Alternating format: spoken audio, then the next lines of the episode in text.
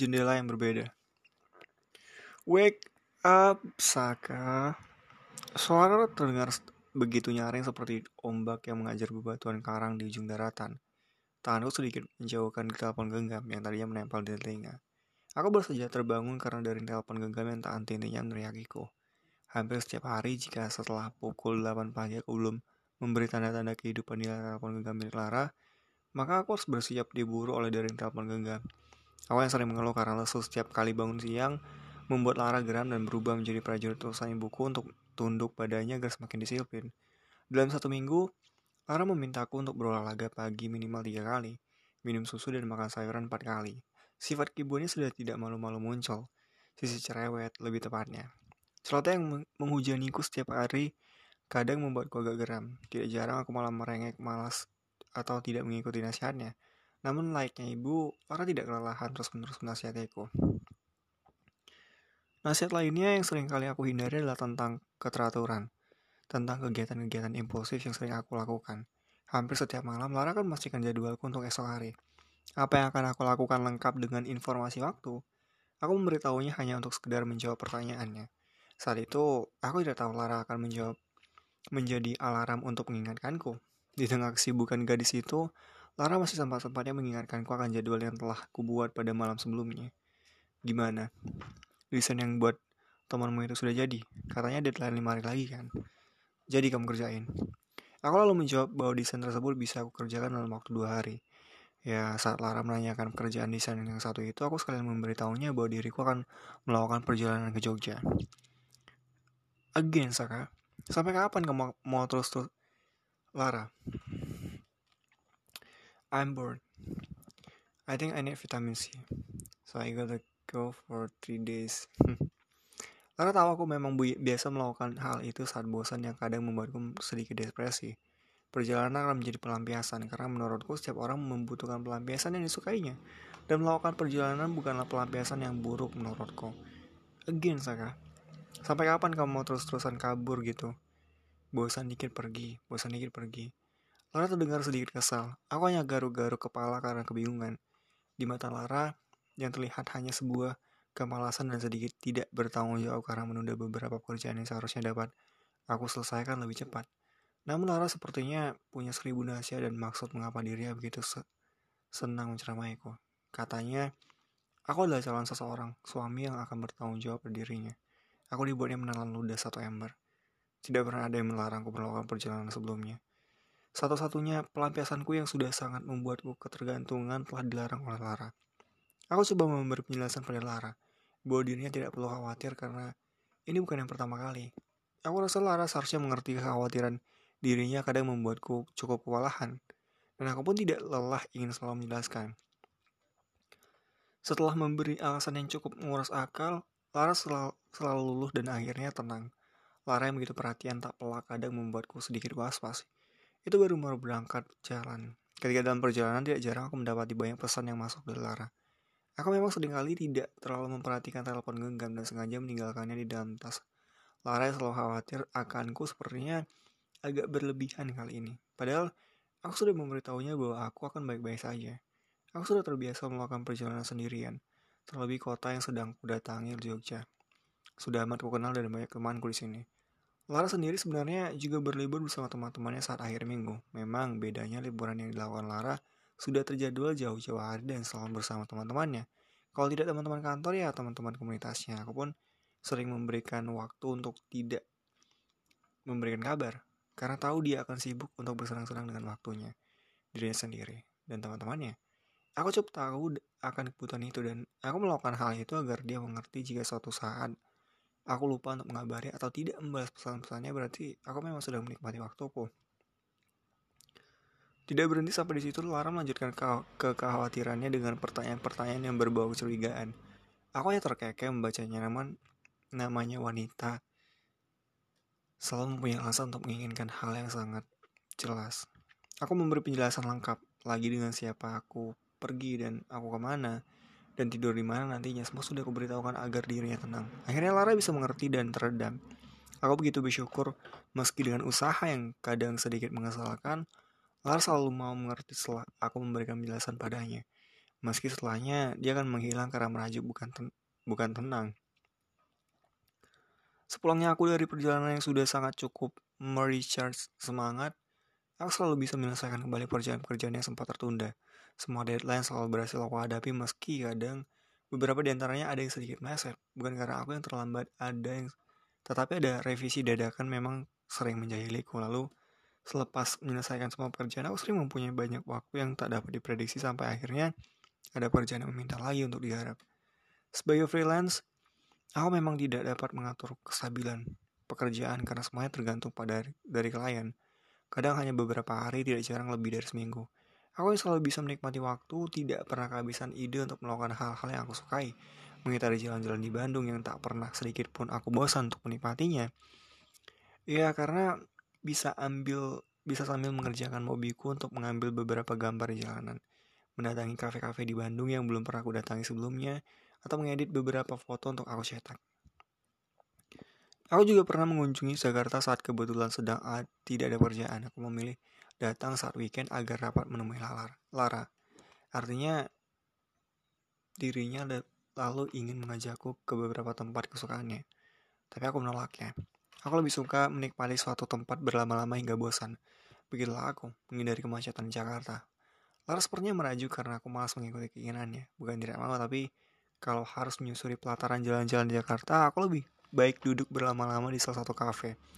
Aku mengerti Lara ingin mengajakku sebagaimana aku mengajaknya menikmati tempat-tempat dan jalan jalanan di Bandung. Aku coba beralasan lagi bahwa dirinya tidak perlu repot-repot melakukan hal itu untukku. Lara merajuk lagi. Saka, why don't you try to find a job? Kamu sering banget kan nggak jelas gini terus cuma kehabisan waktu cuma ngabisin waktu nggak jelas. Kalau kerja kan jelas pemasukannya bisa nabung juga. Semua yang sampai di kepala aku hanya sebuah tuntutan yang menyebalkan. Lara tahu itu sangat. Aku sangat tidak suka terkait terikat dengan pekerjaan itu hanya akan membuatku merasa tertekan. Terlebih jika aku bekerja di sebuah kantor. Aku hanya memiliki akhir minggu untuk diri mati. Itu pun jika ada ada lembur. Itu itu pun jika tidak ada lembur. Lara mulai meracau lagi lebih panjang tentang maksudnya memintaku untuk bekerja dengan benar dalam sebuah perusahaan. Katanya, aku pun perlu untuk bersosialisasi dengan orang-orang yang karena karena akan membantuku untuk mendapatkan lebih banyak ilmu. Lalu ia berkata pula tentang seorang pria bekerja yang akan dipandang lebih baik di mata orang-orang. Well, nanti aku coba pikirkan ya. Aku hanya ingin Lara tidak merasa lagi membicarakan hal ini. Aku hanya tidak suka jika harus melakukan semua sesuatu dengan terpaksa terlebih untuk orang lain. Namun ini untuk Lara. Jika aku tidak mengikuti perkataannya tentu akan mengecewakan dia. Karena sepertinya hal ini cukup penting bagi Lara. Di sisi lain, aku harus siap merelakan idealisme aku. Merelakan waktu-waktu yang akan direnggut diriku, yang akan direnggut dariku. Merelakan kebebasan yang begitu aku nikmati. Padahal aku sudah merasa sangat cocok dengan pekerjaan yang aku jalani. Selama hampir satu bulan sejak aku mengunjungi Lara Jakarta, entah mengapa aku begitu memikirkan perkataannya tentang permintaannya agar aku bekerja tetap di suatu perusahaan selama hampir satu bulan itu aku akhirnya merasakan kebosanan karena tidak ada pekerjaan yang datang pada aku. Seperti semua yang terjadi adalah hasil sihir Lara agar aku bekerja. Semua terjadi begitu selaras. Sepertinya Lara bersekongkol dengan semesta agar hal ini terjadi pada aku. Hingga pada akhirnya aku menyerah pada keadaan. Aku menghubungi salah satu teman yang pernah menawariku untuk bergabung di perusahaan tempatnya bekerja. Ternyata aku bisa dengan mudah bekerja di perusahaan karena di sana membutuhkan banyak tenaga seperti kami. Perusahaan yang bergerak dalam advertising ini hampir tidak pernah kehabisan pelanggan. Saking banyaknya semua pegawai dibuat yang kewalahan. Deadline deadline berebut ingin diselesaikan. Awal-awal bekerja aku ingin, aku sangat begitu, aku sangat bersemangat entah ngapa mungkin karena hampir satu bulan sebelumnya aku begitu bosan sih told you it wanna be that bad sudah bisa ditebak Lara begitu senang atas keputusanku untuk mau bekerja Lara pun semakin jarang menghubungiku saat pagi karena tahu aku sudah harus berangkat kerja. Sepertinya kekhawatiran akanku sudah berkurang, namun kami masih sering berkabar secukupnya meski sama-sama disibukkan oleh pekerjaan masing-masing. Aku cukup tenang tak dikejar-kejar dari daring yang sering memburuku. Namun di saat yang sama aku juga sering merindukan hal itu. Semakin hari rasanya deadline dan lembur yang tidak kenal ampun membuatku sering bermas bekerja. Aku beberapa kali mengajukan cuti, tapi karena aku pegawai baru, perusahaan tidak dapat memberikan cuti. Kalaupun akan cuti, aku tetap harus mengerjakan pekerjaan di rumah. Sungguh konyol bagiku. Sebetulnya, aku cukup bisa membagi waktu dan mengatur semua pekerjaan sesuai kenyamanan diriku, namun hal yang kubenci adalah pekerjaan yang diberikan selalu menumpuk. Satu deadline belum selesai, pekerjaan baru datang. Datang seperti antrian tiket dan aku hanya penjaga loket yang tidak bisa menolak. Tidak jarang, pekerjaan yang menumpuk memiliki deadline yang berdekatan. Rasanya ingin sekali aku murka. Semua kerja di sini terlihat seperti sapi yang sedang diperah. Hanya memanggut pada rumput yang disajikan sementara dirinya diperah habis.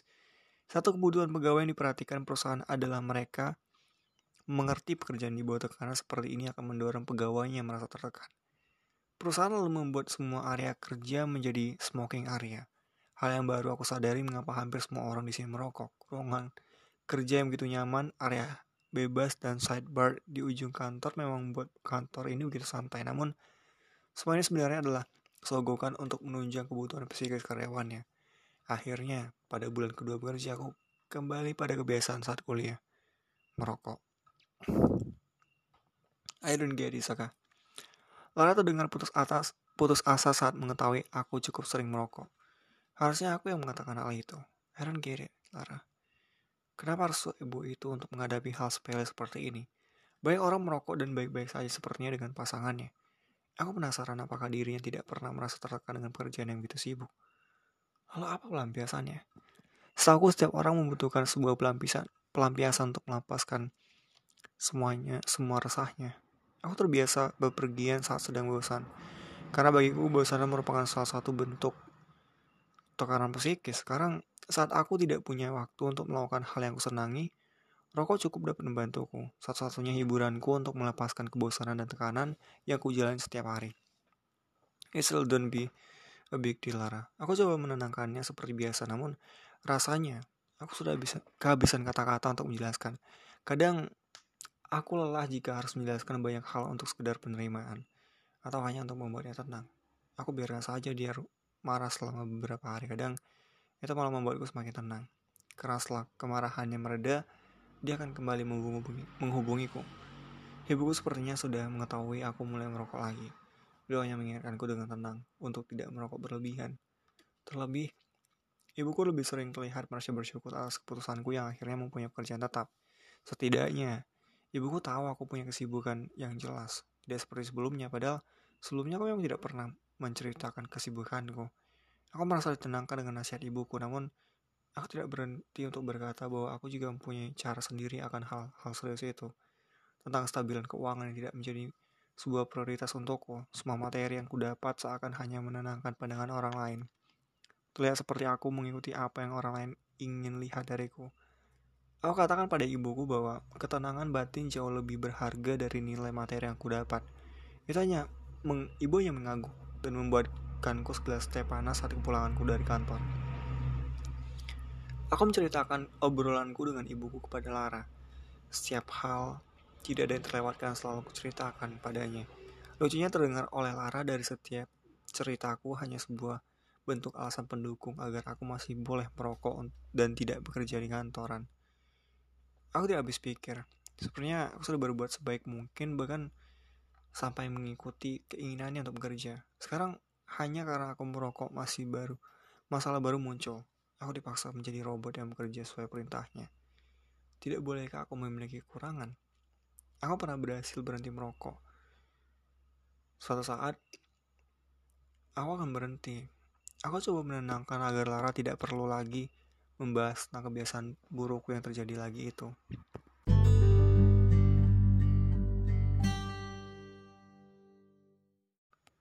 Hari ini adalah pagi kesekian aku harus menggerutu di telepon sebab Saka tak jua bangun padahal hari sudah mulai terik. Berulang-ulang aku mengirimnya pesan dan menelpon. Sayang, masih saja hasilnya nihil. Dia belum menunjukkan tanda-tanda kehidupan. Bahkan pernah sekali waktu dia sudah berhasil bangun dengan membalas pesanku tapi setelah itu kembali menghilang. Kok kira sedang sibuk mengerjakan sesuatu. Pukul 12 siang dia menghubungi dan berkata baru sepenuhnya sadar. Jika sudah begitu, ingin rasanya menjita kepala lagi itu. mengomelinya dengan beragam nasihat yang akan langsung dia iakan. Tapi sepertinya hanya masuk kuping kanan lalu keluar kuping kiri. Again, Saka. Sampai kapan kamu mau terus-terusan kabur-kaburan begitu? Bosan dikit pergi, bosan dikit pergi. Sebuah pertanyaan yang kemudian akan diikuti banyak penjelasan yang dan alasan untuk aku memaklumi keinginannya. Hingga yang tersisanya lah aku yang akan luluh mengiyakan dan kembali memahami. Hal itu semata aku lakukan hanya agar Saka lebih nyaman dan bisa menikmati waktunya. Selebihnya, biarkan kekhawatiran aku simpan sendiri. Wanita mungkin memang pada dasarnya memiliki sifat kecurigaan yang besar pada pasangannya, tergantung bagaimana dia mengendalikannya. Aku juga demikian, apalagi Saka yang sudah mulai terbuka dengan banyak orang, dengan sikapnya yang berlaku baik terhadap siapa pun, bahkan tak membedakan gender sama sekali. Dengan pikirannya yang begitu meledak-ledak dan kelihayannya berkomunikasi dengan orang lain, percayalah, aku hampir dibuatnya cemburu setiap waktu. Tapi ya, wanita sepertiku masih men menjunjung gengsi untuk mengakui itu dan mengalihkannya dengan pemikirannya, pemakluman lagi. Karena bagiku cemburu hanya akan membuat masing-masing kami tak bisa melakukan segala hal dengan bebas. Hingga bukan, hingga bukan tidak mungkin menimbulkan kebohongan dan menutupi apa-apa yang sedang dilakukan. Sebab bila komitmen sudah dibuat, percaya seharusnya menjadi satu paket kan. Beberapa kali aku bilang bahwa aku kesal dengan pilihannya untuk mengatasi kejenuhan dengan pergi. Dan kali ini aku dibuatnya dengan jengah dengan keputusannya untuk kembali melakukan perjalanan ke Jogja. Aku hanya tidak mengerti mengapa di saat genting, saat deadline sudah menanti, dia justru melakukan kegiatan seimpulsif itu. Hal ini tidak akan pernah aku lakukan karena akan mengacaukan seluruh jadwal. Aku berkali-kali diberikan penjelasan bahwa melakukan perjalanan sudah termasuk bagian hidupnya terlebih ketika depresi mulai menyiksanya. I know dia butuh pelampiasan dengan keluar dari rutinitasnya. Tapi sampai kapan? Saka memang tidak pernah suka berlama-lama memegangi telepon genggam. Baginya bertemu, tatap muka dan komunikasi langsung akan menghindari salah paham dan mengurangi kebohongan. Tapi di tengah jarak yang terbentang di antara kami pun, ketika dia memilih melakukan perjalanan hingga berkilo-kilometer, Aplikasi chat atau bahkan panggilan telepon adalah sebuah kewajiban untukku. Setidaknya, agar aku tak khawatir dengan keadaannya. Terus seharusnya dia membuat pengecualian untukku. Terlebih dia yang dulu bagi, begitu meyakinkanku bahwa hubungan kami akan tetap baik-baik saja meski jarak berada di antara. Tapi bukan seakan namanya jika tak membuatku harus mengoceh dan menahan kesal. Kebiasaannya untuk mengabariku kini terlupakan lagi.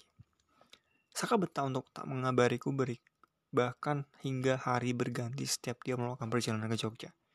Aku tahu Jogja seperti apa untuknya. Pun aku mengerti bahwa Jogja memang begitu memiliki daya pikatnya tersendiri. Dan yang membuat siapa pun yang berada di dalamnya merasa tenang dan diliputi keramahan yang tiada henti. Aku tahu dengan teramat sangat bahwa Saka mengenal Jogja bahkan hingga setiap sudutnya dan dia memiliki teman yang cukup banyak di sana. Namun bukan berarti aku tak akan khawatir dengan keadaannya. Kerap tersisa perasaan was-was yang muncul ketika kabar darinya tidak tak kunjung didapatkan.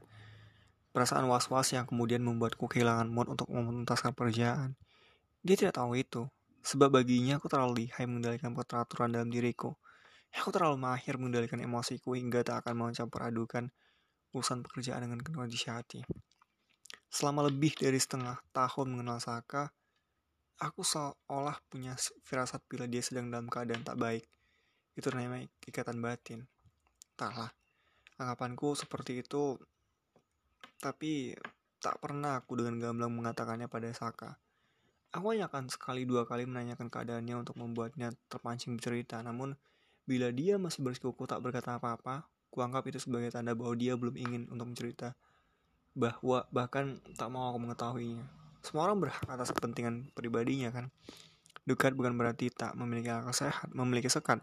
Dekat bukan berarti harus tahu segala hal. Aku memang tipikal orang yang entah bagaimana bisa cenderung peka terhadap perasaan seseorang. Terlebih kepada Saka. Aku percaya bahwa setiap kita memiliki gelombang gelombangnya masing-masing yang hanya akan bisa terdeteksi oleh orang-orang yang memang terbiasa untuk menangkap sinyal tersebut. Hal itu juga berlaku sejak kali pertama aku bertemu Saka. Ada hal yang membuatku bisa tertarik untuk terus menatapnya berkali-kali. Sebetulnya kemarin ingin aku untuk melarang Saka melakukan perjalanannya ke Jogja di tengah deadline yang menggunung. Tapi aku tahu bahwa Saka tak pernah melarang aku melakukan apa pun. Aku cukup mengerti bahwa Saka tak akan pernah suka untuk aku melarangnya. Pun rasanya tidak adil jika aku menuntut banyak hal darinya padahal dia sanggup memahami bila aku tak acuh pada pesan-pesannya. Sebab pekerjaanku yang menuntut lembur, lalu yang tersisa dari bibirku pun hanyalah sebuah pertanyaan retoris. Saka kembali menjadi seseorang yang tak bisa aku kenali dengan sempurna lagi. Hidupnya kembali tidak teratur. Tak ada lagi olahraga yang dia lakukan, tak ada lagi sarapan yang dia konsumsi sebab bangunnya yang terlalu siang. Dan kebutuhannya untuk merokok saat stres sedang sedang melanda gini kembali. Jujur saja, aku merasa frustasi dengan semua ini mengingat-ingat letak kesalahanku di mana hingga Saka bisa menjadi seperti ini. Aku tahu setiap hal di dunia ini memiliki kesempatan untuk berubah, terutama manusia. Tapi sungguh, aku belum siap untuk melihat Saka berubah. Perubahannya bukan menjadi ke arah yang lebih baik, tapi justru kembali ke titik awal semuanya dimulai. Atau mungkin ini semua terjadi karena percakapanku dengan Saka di kafe saat kedatangan di Jakarta waktu itu. Mungkinkah karena aku yang terlalu keras menyuruhnya mencari pekerjaan? Namun di mana letak kesalahannya? Aku ingin betul bahwa aku, aku ingat betul bahwa aku hanya berkata bahwa jika dia memiliki pekerjaan tetap atau setidaknya bekerja pada suatu perusahaan maka akan ada penghasilan tetap yang dia miliki. Penghasilan yang bisa dia gunakan untuk banyak hal, termasuk untuk menabung. Tidak pernah ada yang salah bukan dengan bekerja. Pun aku tahu tidak ada yang salah dengan dirinya yang memilih untuk menjadi freelancer. Tapi please, sometimes we have to step up of our comfort zone. Karena sering kali comfort zone membuat kita tidak bisa berkembang, membuat kita tidak bergerak dari tempat. Setidaknya dengan dia yang bekerja, hal itu bisa membuatnya memiliki tambahan ilmu dari beragam kepala yang dia temui. Dan lagi, masyarakat itu masyarakat kita masih hidup dengan stigma bahwa seseorang dianggap memiliki pekerjaan jika orang tersebut bekerja pada suatu instansi atau badan usaha atau jika memang ingin mengambil jalan lain bisa menjadi wirausaha yang bisa mempekerjakan orang lain. Tak pernah terbesit sedikit pun di benakku untuk menilai bahwa apa yang dipilih Saka saat ini adalah sebuah kesalahan. Tapi di umumnya, yang di umurnya yang sudah 26 tahun, apakah tak pernah ada di benaknya untuk mulai serius menata hidup dan masa depannya? Aku hanya ingin membuatnya mengerti akan itu, mengingatkannya bahwa dia bukan lagi remaja yang bisa sebebas itu lepas dari tanggung jawab. Biarlah mungkin cara aku menyuruhnya mencari pekerjaan kemarin nilainya salah. Mungkin cara aku menyampaikan pendapat tidak bisa diterimanya dengan baik. Entahlah. Dan dan sekarang aku menyuruh untuk membuatnya kembali seperti yang sebelumnya. Aku membiarkan diri ini kembali menelan rasa kecewa karena ekspektasi yang tidak sengaja aku ciptakan untuk perubahan pada diri Saka.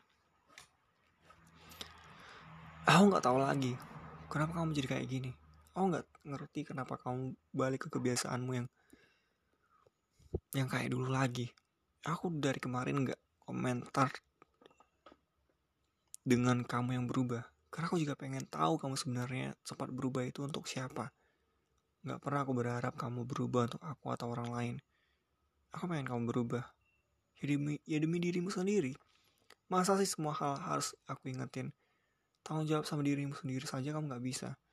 Gimana nanti kamu mau tanggung jawab sama aku? Sedetik sesudah berkata ini, aku menyesal dan menyumpah serapahi diriku sendiri. Aku tahu, aku sudah memulai perdebatan baru dengannya.